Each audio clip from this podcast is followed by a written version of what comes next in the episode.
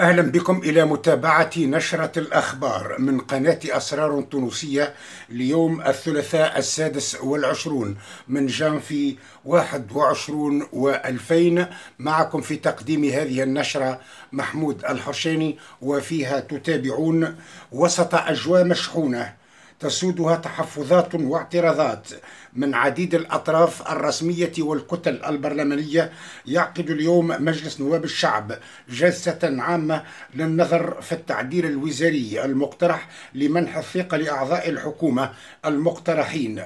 ورئيس الجمهورية يؤكد أمس أنه لن يسمح للوزراء الذين تلاحقهم تهم فساد أو تضارب مصالح بأداء اليمين الدستورية. إلى التفاصيل.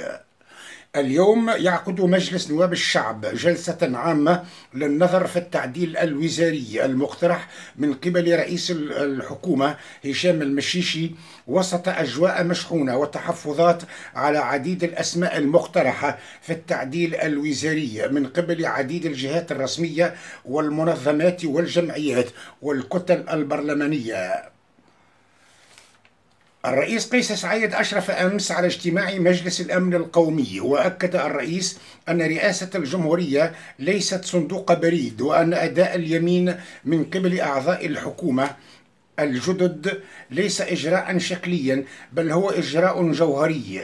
وبين الرئيس أن أعضاء الحكومة المقترحين ممن تعلقت بهم شبه شبه فساد أو تضارب مصالح وهم أربعة وزراء في التعديل الوزاري الجديد سوف لن يسمح لهم بأداء اليمين الدستورية.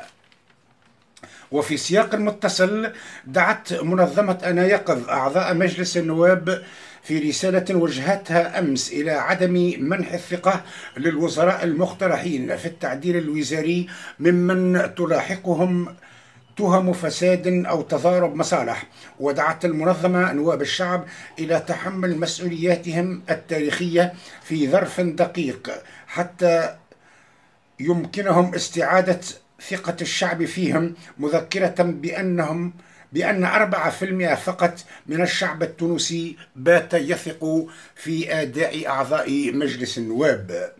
حركة النهضة تعلن على لسان رئيس الكتلة بالبرلمان عماد الخميري بأنها ستمنح الثقة للتعديل الوزاري.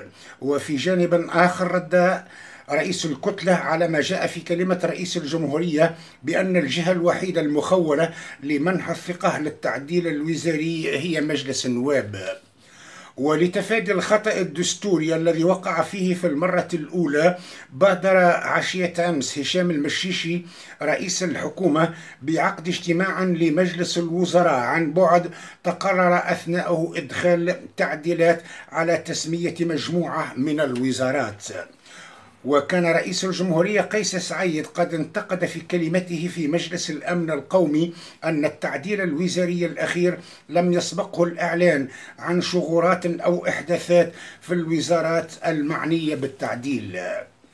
أكد اليوم محمد عمار رئيس الكتلة الديمقراطية في البرلمان أن هشام المشيشي رئيس الحكومة تهرب من جلسة التقييم لأداء أعضاء الحكومة بعد مرور مئة يوم على تكوينها وأنه قام بالتعديل الوزاري المقترح لترضية الحزام السياسي البرلماني الداعم لحكومته. كما أكد أن الكتلة الديمقراطية لن تمنح اليوم الثقة للحكومة في صبغتها الجديدة نظرا لغياب برنامج واضح لهذه الحكومة كما أن والكلام له دائما حكومة المشيشي ساقطة أخلاقيا وسياسيا ولا يمكن منح منحها الثقة. كما طالب رئيس الحكومة بإطلاق سراح كل الموقفين في الاحتجاجات الأخيرة قبل القدوم إلى البرلمان لطلب منح الثقة لحكومته.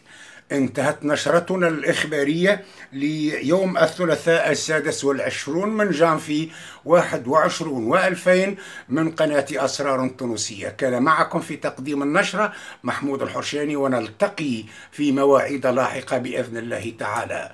والسلام عليكم ورحمة الله.